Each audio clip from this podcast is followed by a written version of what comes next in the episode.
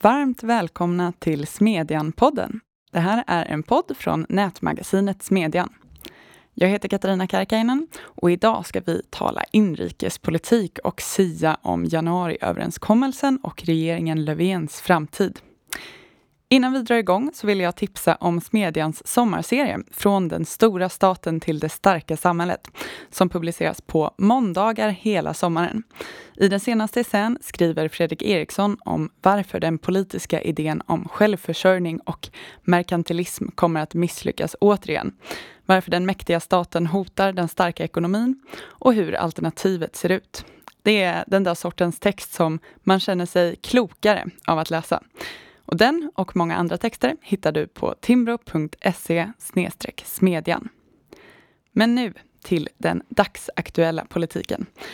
Det har ju gått sådär för januariöverenskommelsens punkter hittills. Den här våren har ju såklart mycket överskuggats av coronakrisen till vissas lättnad och andras förtret.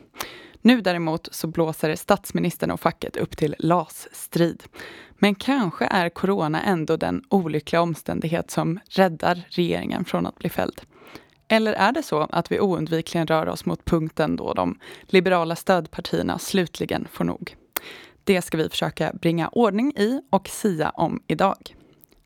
Och med mig har jag som alltid Sven Dahl, chefredaktör här på Smedjan. Och kan vara lämpligt att säga i det här sammanhanget när vi ska spekulera om politikens inre liv, doktor i statsvetenskap ju. Hur står det till? Det är bra. Sen får man väl säga att det kanske är bättre med mig än vad det är med januarisamarbetet. Det får vi hoppas för din skull.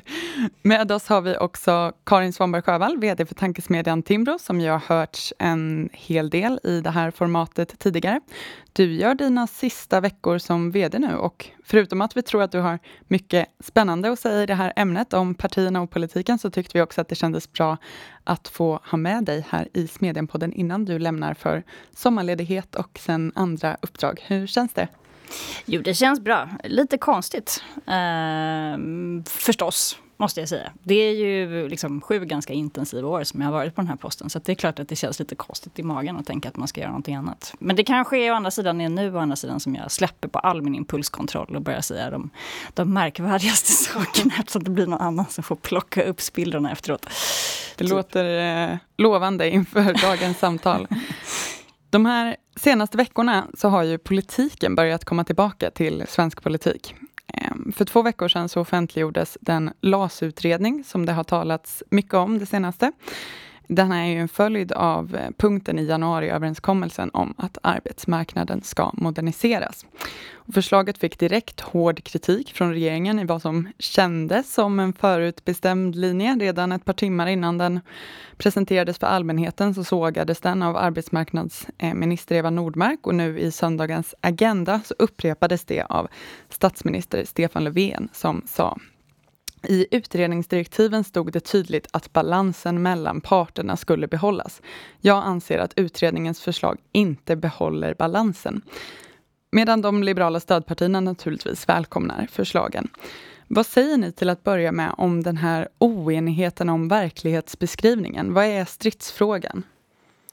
Alltså först och främst måste man väl säga att oenigheten på något sätt är inbyggd i avtalet. Att där det står att å ena sidan ska ju ja, balansen mellan arbetsmarknadens parter upprätthållas. Å andra sidan säger, säger, säger, säger samma punkt i januariavtalet att, att eh, att arbetsrätten ska moderniseras. Och mm. innebörden av det är ju i varje fall så som de liberala partierna i januarisamarbetet tolkar det att man faktiskt kanske måste justera balansen till då arbetsgivarnas fördel. Ja, utredaren själv, Gudmund Toyer, slår ifrån sig den här kritiken och säger i princip att ja, men jag håller inte med om det. Jag respekterar att man har olika uppfattningar i den här frågan. Det är i stor utsträckning bedömningsfrågor. Men jag har arbetat mig, arbetat mig igenom direktiven punkt för punkt. Det finns fyra huvudpunkter och får väl ha den bedömningen att följer jag direktiven på alla fyra punkter så är balansen uppnådd. Och det är svårt att inte hålla med honom. Januariöverenskommelsen nämner fyra huvudpunkter vad gäller arbetsrätten och en av dem är just eh, om lagen om anställningsskydd, att den ska ändras genom tydligt utökade undantag från turordningsreglerna. Och utredaren, så vitt jag kan se, har följt de här punkterna. Men då blir ju just svaret från Socialdemokraterna att paragrafen om den grundläggande balansen mellan arbetsmarknadens parter inte uppfylls. Men då är det ju så att säga avtalet som det är fel på. Utredaren ska följa de fyra punkterna, men följs de så bryter man mot den här portalparagrafen. Man har skrivit in en omöjlig uppgift. Det är som en medveten logisk inkonsekvens som inte går att lösa ut med mindre egentligen än att antingen att avtalet ändras eller att de metafysiska omständigheterna i världen förändras. Och till och med i den här själva portalparagrafen eh, som, som lyder Arbetsrätten moderniseras och anpassas efter dagens arbetsmarknad samtidigt som en grundläggande balans mellan arbetsmarknadens parter upprätthålls. Är, ju, är det ju i så fall fel på, för att poängen med att modernisera arbetsrätten är ju att balansen ska förändras, åtminstone för Liberalerna och Centerpartiet. Eller missförstår jag någonting i det här? Är januariöverenskommelsen det omöjliga avtalet? Ja, det är klart att den är. Eh, på många sätt. Och det var inte så svårt att räkna ut att det skulle landa precis här heller. Även om jag måste säga att jag tycker att det här är ett, ett ovanligt bra exempel på den liksom kompletta skamlöshet som Socialdemokraterna uppvisar gång på gång i sådana här frågor. Alltså så att, att, att, dels så har ju regeringen godkänt direktiven till den här utredningen. Så att om de tyckte att de var fel, eller den här balansen De fyra var fel, punkterna kom inte som ja, en nej, överraskning. precis, så, så är det så, de, har ju redan, de har ju redan köpt det en gång, så det är ju så, liksom, så dags att komma nu. Så det här handlar ju inte om, om politiskt finlir eller metafysik eller, eller kremlologi. Det här handlar om att kunna läsa till. Och det är ju väldigt märkligt att vi har en statsminister som uppenbarligen inte kan göra det. Alla fall inte om man säger ju också någonting om de väldigt konstiga omständigheterna kring när det här avtalet blev till. Att det är nästan som om man skrev in, skrev in den här punkten i, av, i avtalet med, under, så här, under, nästan under förutsättningen att nej, det här kommer nog ändå inte att, det är ändå inte tänkt att bli verklighet.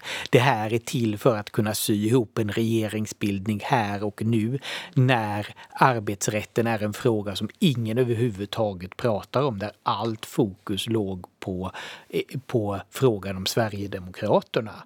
Så då kunde, man, då kunde man från Socialdemokraterna gå med på att skriva in den här punkten och inkludera en sån här oerhört fluffig paragraf som egentligen säger, precis som du säger Katarina, både och och som är så, alltså som egentligen säger ja, ingenting eller Mm.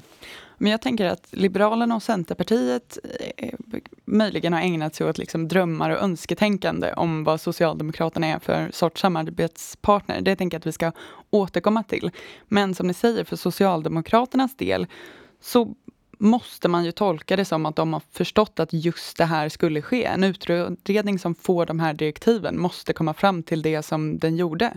Tycker ni att man ska förstå det här som att de visste vad de skulle förbereda sig på hela tiden och nu bara spelar ut sina kort eller är det någonting annat som man missar då? Jag har alltmer kommit att undra om den här idén om Socialdemokraterna som, som mästerstrateger med en osviklig förmåga för att titta in i kristallkulan och förstå vad som kommer hända i praktiken är ganska överdriven. Jag håller nog med PM Nilsson om att de har en oöverträffad förmåga att på något sätt snubbla sig över hinder efter hinder bättre än vad några andra partier gör. Alltså det får man verkligen ge dem.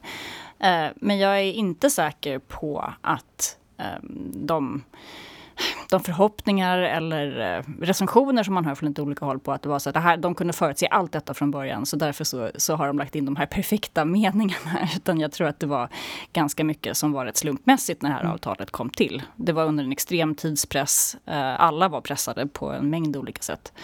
Eh, men det är ju ett klassiskt eh, sosseknep att lägga in den här typen av gummiparagraf. Så är det ju. Det finns ju också en, en intressant aspekt på det som, som Karin säger är ju att eh, här finns ju ett av den svenska borgerlighetens stora dilemman att man hela tiden tänker att Socialdemokraterna är så oerhört kompetenta och så oerhört strategiskt förutseende och så oerhört regeringsdugliga fastän man visar gång på gång att man inte är det. Och på något sätt har jag en känsla av att det hämmar det borgerliga samarbetet och det hämmar viljan att agera samfällt. Att man alltid, det finns alltid en liten vilja att snegla på vad Socialdemokraterna har för sig. Och, hur, och tänka på men hur skulle de ställa sig till, det, till, till, eh, ja, till, den här, till den aktuella frågan. Men det är väl med politik lite grann som med de här diskussionerna om självförsörjning kring varor. Eller, eller hur många respiratorer vi ska ha i olika bergrum och sådär. Alltså den, den verkliga hårdvalutan är omställningsförmåga. Det är det absolut viktigaste i politiken som i ekonomin. Det är omställningsförmåga som är liksom A och O. Det är egentligen inte grundresursen. Um, och, och att, att Socialdemokraterna är bättre på just det. Alltså på väldigt snabb omställningsförmåga i, liksom i, i pressade situationer. Mm. Det är en enorm fördel. Men det är något annat än den här eh, magiska förutsebarheten. Mm. Eller liksom förmågan att, att, att skåda in i framtiden som de ofta tillskrivs. Men ändå kan man väl säga så här att det är ganska fascinerande hur väldigt många av de varningar som vi som var kritiska till januariöverenskommelsen när den slöts eh, ja, men lyfte i, i olika sammanhang, mm. att de faktiskt ser ut att bli eh, och, och att, det, att de ser ut att infrias. Att det verkligen kommer, att flera av de här stora liberala reformerna kommer det kanske inte att bli någonting av. Att det finns en ganska stor risk att, att, eh, att eh, arbetsrättsreformen hamnar i någon form av lång mm. beredning i regeringskansliet. Mm. För det som kommer hända nu framgent är att arbetsmarknadens parter ska få tid att komma överens om eh, att förändra turordningsreglerna och förhandlingarna ska inledas i höst. Och om eller när parterna inte lyckas komma överens så blir utredningens förslag då aktuella. Men det är dels fråga om att det tar tid, eventuellt kan den processen förlängas och också att Socialdemokraterna och statsministern har mycket stora incitament att så småningom förhala det här. Så vad, vad, vad tror ni kommer hända? Kommer parterna komma överens? Eh, kommer Socialdemokraterna till slut gå med på det här eller kommer det helt enkelt inte bli någonting av det? Parterna har ju extremt starka incitament att komma överens. Helt enkelt för att, jag menar, ingen, vill, ingen av parterna vill ha lagstiftning. Och ena, å andra sidan har vi under våren sett att det ser ut att vara väldigt svårt för parterna att komma överens på de här, på, på de här punkterna. Så att det är väl inte alls osannolikt att det här kommer att dra ut på tiden ordentligt. Och det skulle ju, i såna, det har ju inte Socialdemokraterna någonting emot alls, att bara förhala mm. det här. Å andra sidan kommer det ju då bli extremt svårt, inte minst för Centerpartiet, att möta väljarna 2022 utan att kunna visa upp någonting i den här frågan som verkligen är den stora frågan för Centerpartiet. Alltså glöm arbetsförmedlingsreformen. Mm. Det här är den riktigt stora frågan för Centerpartiet är arbetsrätten. Mm. Nej, men det tror jag också. De kommer att tappa ansiktet fullkomligt. Och de har också investerat så hårt i att mm. profilera det här avtalet just som sättet att få igenom liberal politik som man inte fick igenom med de borgerliga partierna. Eh, så det blir ju ganska svårt för dem, tror jag, att, att backa i det här läget. Därför att de har investerat in sig så hårt i, i, i, liksom i det löftet. Sen tycker jag att det ska bli intressant att se vad som händer med den nya LO-ledningen. Eh, som ju har skramlat förstås, det måste man göra. Eh, men, men också hur eh, de interna relationerna kommer att påverka januariavtalet. Därför att å ena sidan så har ju LO verkligen varit på krigsstigen och eh, släppt in vänsterpartister på sina kongresser för första gången på just det här. Alltså det är historiskt. Det har man ju aldrig gjort tidigare. Å andra sidan så, så tror jag att um, Socialdemokraternas starka förtroende i väljaropinionen gör ju dem starkare i förhållande till LO. Alltså det hade varit svårare mm. för dem att hålla emot om de hade gått dåligt i det här läget. Men nu går det bra. Och det sätter dem i, i en lite annan. Så jag tror att de är på det sättet kanske lite mindre kidnappade än vad de hade varit i ett annat läge. Ja, låt oss prata lite om de liberala stödpartierna. Eh, både Liberalerna, men kanske framförallt Centerpartiet, har ju som ni säger lagt mycket tonvikt på den här frågan som motiv för att man har den här stödhjulsfunktionen till regeringen. Och samtidigt, som du säger Karin, så har ju en del personer ägnat mycket energi åt att bygga verklighetsbeskrivningen kring det här samarbetet och januariöverenskommelsen som den sista utposten, det sista skyddet mot fascismens intåg och övertag i, i svensk politik. Och det är ju alltid svårt i politiken, som i andra sammanhang, att backa och säga vi, vi gjorde en felbedömning, samarbetet med regeringen fungerade inte eh, som väntat, farhågorna var riktiga.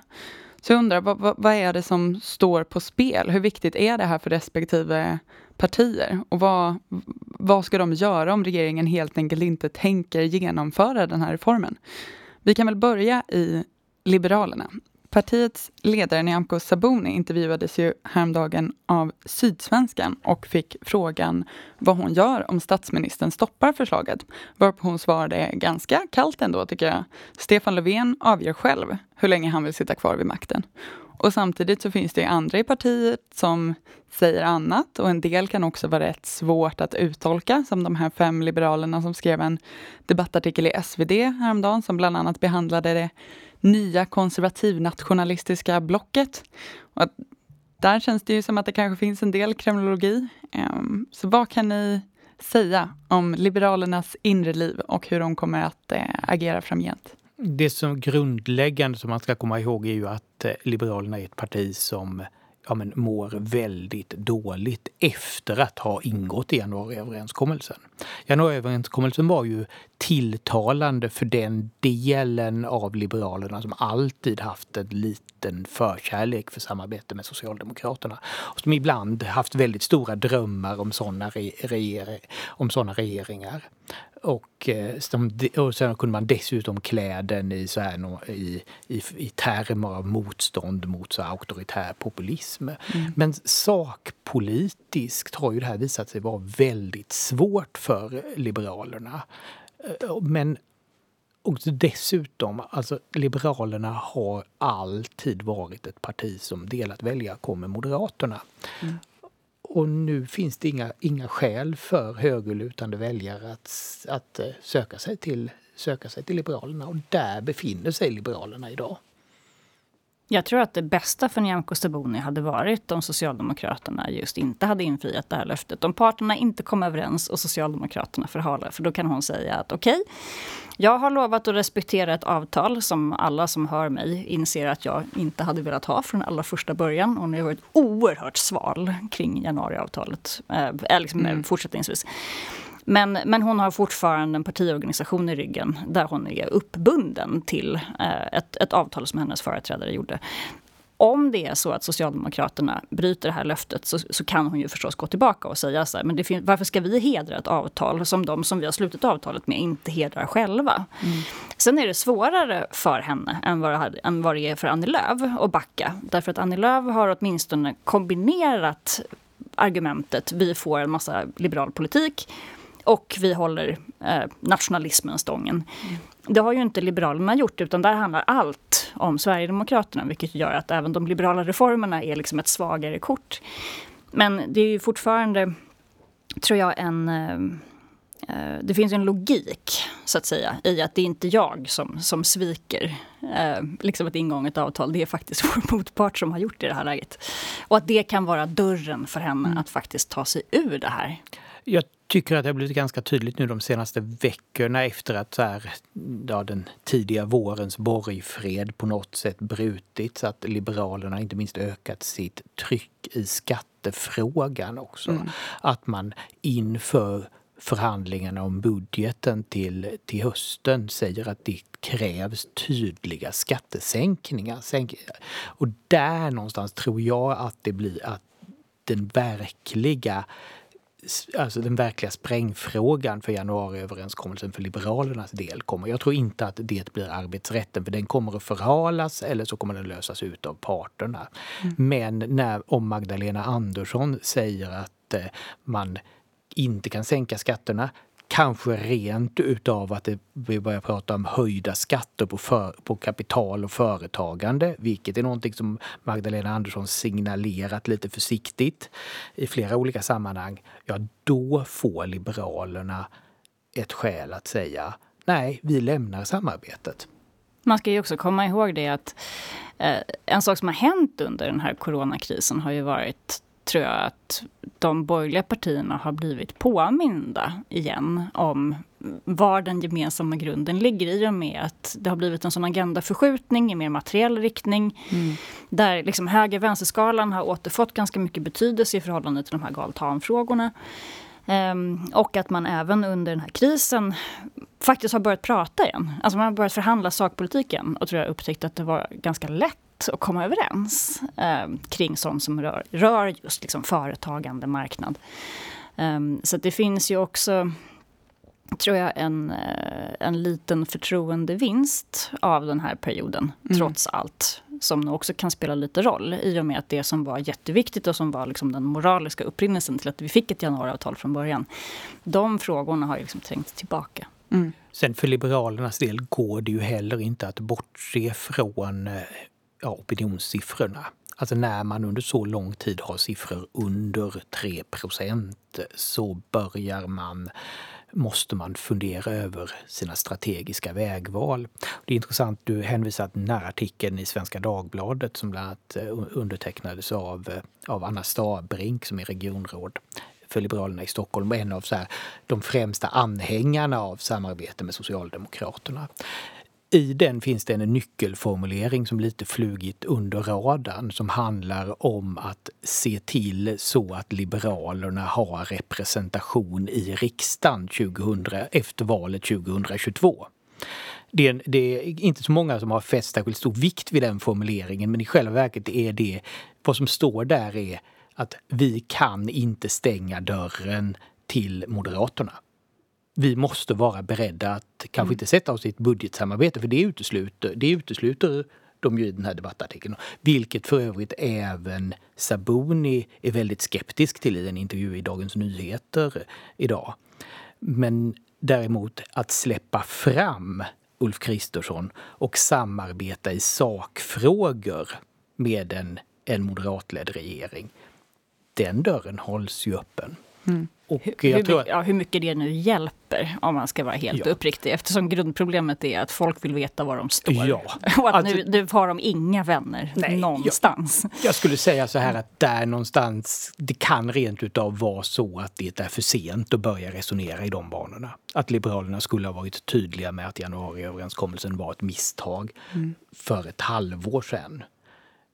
Och att, för det, det kommer att ta väl, en väldig tid att återuppbygga förtroendet och öppna upp den här historiska väljarkanalen mellan Moderaterna och Liberalerna igen. För man, med januariöverenskommelsen täppte man igen den ganska effektivt. Mm. Jag tycker det är ganska uppenbart att eh, den här idén om att man ska kunna liksom sväva fritt utan block eh, är inte någonting som väljarna uppskattar. Utan man vill liksom veta vilket lag man spelar på. Mm. Så det, är nog, ja, det känns som att det är svårt att komma runt slutsatsen att hon måste nog antingen bestämma sig för att Ulf Kristersson är hennes statsminister och vara med i det laget. Eller tvärtom kräva att faktiskt typ få sitta i regeringen tillsammans med Socialdemokraterna. Men, Men hur, ser, hur ser då startläget ut om eh, Nyamko Sabuni skulle vilja göra en sån positionsförflyttning? Vad har hon för liksom, partiapparat att röra sig med? Hur stora är de här respektive lägren till exempel? Liberalerna känns som att de har lite motsatt situation gentemot Centerpartiet vad gäller liksom den aktiva medlemskåren respektive väljarna. Alltså i, eh, i Liberalerna är det ju så att eh, det har alltid funnits ganska många aktiva partiliberaler som gillar tanken på samarbete vänsterut. Men det har funnits mm. väldigt få väljare som, som gillat den tanken. Det har varit ett väldigt borgerligt, de har haft en väldigt borgerligt sinnad väljarkår. Men sett bland de, de partiaktiva har vi nog ungefär samma styrkeförhållanden som vi hade när, när januariöverenskommelsen eh, slöts. Möjligtvis, och det här ska man inte underskatta, är att en partiledare som verkligen vågar sätta ner foten. Och det har inte Nyamko Sabuni gjort. Och det kan vara ett av hennes stora misstag. Kan flytta ganska många. Och det var ju det som Jan Björklund gjorde och som fick det till att framstå som att det fanns ett väldigt stort stöd för januariöverenskommelsen internt. Att i själva verket var det ganska många som mest följde partiledaren. Och så är det ju i alla partier. Mm. Så att egentligen vad hon behöver göra är ju att sätta ner foten och mm. verkligen utmana de som de som ja, gillar samarbetet med Socialdemokraterna och säger nu har vi testat det här. Det gick inte någon vidare. Nu riskerar vi att åka ur riksdagen. Nu är det dags att vi provar en ny strategi. Mm. Jag har ingen aning om hon vågar göra det. Ja, hon har haft ett par chanser och frågan är om hon vågar, vågar mm. ta den chansen.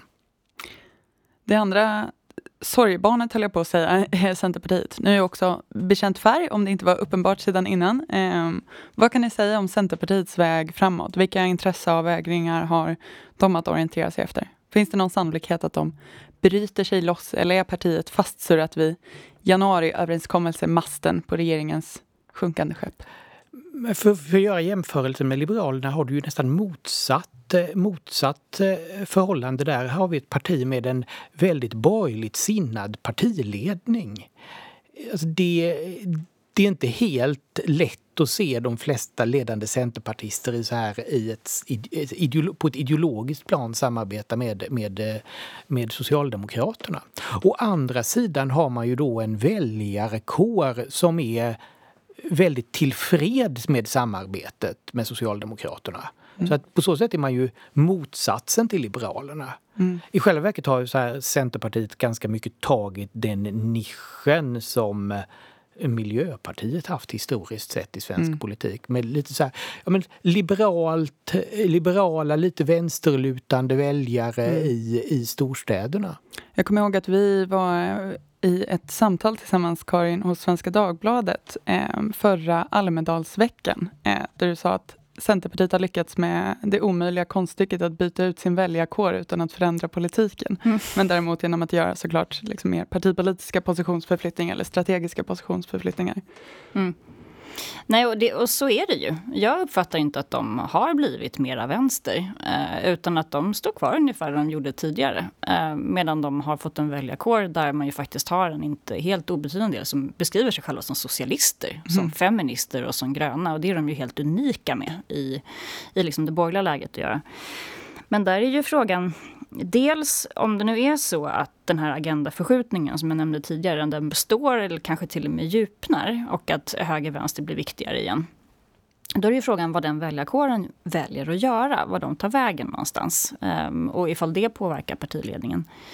Ehm, jag tycker också, ehm, och det är ju en ren ja, rent anekdotiskt, det har jag inga siffror på, men jag tycker att när man, när man ser eh, Centerpartiet på presskonferenser och när man ser dem i talarstolen i riksdagen så verkar de ju rätt bekväma med samarbetet med Socialdemokraterna. Alltså det är inte så att de, att de hatar varandra eller sådär, utan det verkar ha gått över all förväntan. Men det är liksom ingen värme. Det är inte så att det känns som att de liksom har blivit sammansvetsade eller liksom är ute och ölar direkt. Utan att det fortfarande är så det är fortfarande två partier som står rätt långt ifrån varandra. Och som förhandlar i sak. Liksom. Ja, det finns ju ingen ideologisk gemenskap. Däremot Nej. är det ju, Centerpartiet är ju eh, av historia ett väldigt pragmatiskt parti och ett förhandlande mm. parti som kan den politiska förhandlingens konst. Inte minst gentemot Socialdemokraterna. Mm. Men det är ju en annan, det är ju en annan sak än att ha ett gemensamt ideologiskt projekt. För där är det ju uppenbart så här att, att de ledande centerpartisterna mycket väl skulle kunna hitta tillbaka till ett gemensamt ideologiskt projekt med, med Moderaterna. Ja, det är väldigt mycket ett resonemangsäktenskap. Mm. Och det har inte förändrats, tycker jag, sen det här slöts. Då måste jag fråga, med den samlade information som ni har gett uttryck för nu, hur kommer den närmsta tiden och egentligen tiden fram till valet att utspela sig? Vad är er bedömning? Jag tror att skattefrågan i, eh, i höstens budgetförhandling blir en helt avgörande fråga och det kan mycket väl vara där Liberalerna hoppar av samarbetet. Å andra sidan vet vi ju att, att eh, Sabuni har en hel del har, att det har en del problem internt, har inte den auktoriteten internt så att hon kanske vågar ta det steget. Men det finns ändå en del som pekar i den riktningen att det faktiskt är skattefrågan som skulle kunna fälla januariavtalet. Sen beror det ju förstås också på kommer hur, hur krisstämningen kring coronaviruset kommer att, mm. kommer att se ut. För man kan säga så här att konflikterna kring skatter hade kunnat komma tidigare. Att vi har fått lite så här att, att, att coronaviruset har faktiskt gjort att januariöverenskommelsen mm. kanske fått lite lite längre livslängd. Att den har köpt ett par månaders livslängd. Jag tror att det kommer bli en fruktansvärt spännande höst. Eh, jag tror att det är liksom nu alla knäckfrågorna börjar liksom läggas upp på bordet, den ena efter den andra. Jag tänker bostadsfrågan är ju ännu en sån, eh, som jag ju trodde, om det inte hade varit för att Jonas Sjöstedts avgång eh, faktiskt senare lades så hade jag trott att den skulle komma upp. För det har ju varit en sån som de har flaggat för i liksom en kabinettsfråga. Nu kanske det är svårt för dem att komma överens med Moderaterna i just de delarna. Men det, det är ju många av de här eh, liksom, eh, riktigt jobbiga punkterna för, för Socialdemokraterna där tidsplanen antingen är spräckt och förskjuten till hösten eh, och då antingen blir förskjutna på någon slags evig tid eller där samarbetspartierna helt enkelt måste sätta ner foten kring, kring hur man gör.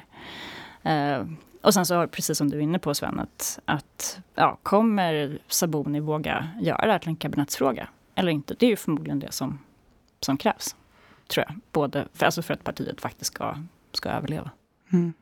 Den sista, eller möjligen näst sista frågan är, måste bli möjligen ledande. Vem tycker ni bör lära sig vad av det här, den här pågående och kommande situationen? Jag tänkte ta fasta på det här som, som Kristdemokraternas partiledare Ebba Busch sa i, i Expressen häromdagen som jag tyckte var väldigt klokt. Där hon sa så att grunden för en budget och för en regering måste så långt det bara är möjligt vara partier som tycker om varandra och trivs med varandra och kan samarbeta ordentligt. Jag tror att det är faktiskt en väldigt klok spaning. Problemet är bara att det har grävts ganska många skyttegravar mellan de fyra partierna som faktiskt tyckte ganska bra om varandra för inte så himla länge sedan. Så att eh, det kanske kortsiktigt kommer att vara svårt att hitta tillbaka till det. Men jag tror ändå att man borde ta fasta på från alltså parti, eh, partiledningarna i de fyra borgerliga partierna borde verkligen ta fasta på det uttalandet från Ebba Busch och eh, ta med sig det ja, på vägen mot valet 2022. Men då måste den naturliga följdfrågan bli, om januariöverenskommelsen nu faller och ett eller två liberala partier ska försöka hitta tillbaka. Det är ju inte direkt då till fyra partier som tycker om varandra, men möjligen kan en hoppfull säga att det är möjligt att hitta tillbaka till det igen. Tror du det? Alltså, är ett samarbete ens möjligt efter allt som har hänt? Jag säger inte att det, jag säger inte att det kommer att bli lätt jag tror rent utav att det kan bli, vara väldigt svårt att hitta tillbaka men möjligtvis kan då så här höger vänsterfrågornas återkomst de senaste månaderna bidra till att göra det lite enklare. Samtidigt det finns väldigt mycket känslor här inblandat i den här processen som kommer att göra det svårt och det kommer, så om vi ska, om vi ska, va, om vi ska gå väldigt långt framåt i tiden och titta på så här valet 2022. Nej, vi kommer inte att få se fyra borgerliga partiledare bedriva valrörelse tillsammans. Men förhoppningsvis kommer så här erfarenheterna av den här väldigt konstiga mandatperioden att ändå göra det lite enklare att eh, mm. bilda regering säger den eh, hoppfulla parterapeuten eh, Sven Dahl.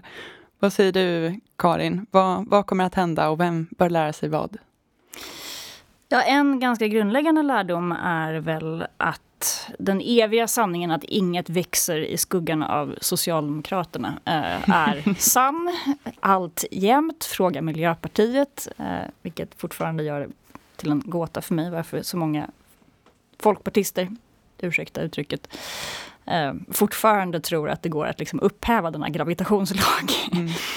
eh, den andra delen är väl att eh, jag tror att det är lätt att tänka sig att ett eh, nytt borgerligt samarbete ska vara alliansen 2.0 eller 3.0. Mm. Och så kommer det förstås inte vara. Alltså det går inte att backa bandet. Det betyder inte att det inte finns förutsättningar för ett borgerligt samarbete som förmodligen är lösare och mindre liksom kärleksfullt än vad åtminstone Alliansen 1.0 var. Ehm, men, men eh, ser man de borgerliga ungdomsförbunden nu skriva gemensamma debattartiklar apropå hotet från liksom, statligt maktövertagande av näringslivet. Om man kan få KDU och SUF att skriva under en sån gemensamt, då, då finns det något kvar. Det finns energi kvar i, mm. i den här mer marknadsliberala gemensamma bilden som man har av samhället. Och den har inte försvunnit och jag tror att den är på, på återtåg. Mm. Det skriver jag under på. Och det får nog lov att bli de sista orden, för att det har börjat bli dags att runda av. Och jag får lov att säga varmt tack till Sven Dahl och Karin Svanberg Sjövall för en trevlig diskussion. Stort tack. Stort tack. Tack också till er som har lyssnat. Vi hörs igen här om en vecka och tills dess så får ni gärna läsa oss och våra skribenter på timbro.se smedjan. Jag vill särskilt tipsa om Adam Danieli som skriver om att borgerligheten måste ta strid mot övervakningssamhället. Bengt G Nilssons text I Sverige har gerillan alltid rätt som handlar om arvet efter Olof Palme och Mattias Svenssons text från idag om varför det alltid blir fel när staten handlar saker. Tack för idag. Vi hörs nästa vecka. Hej då!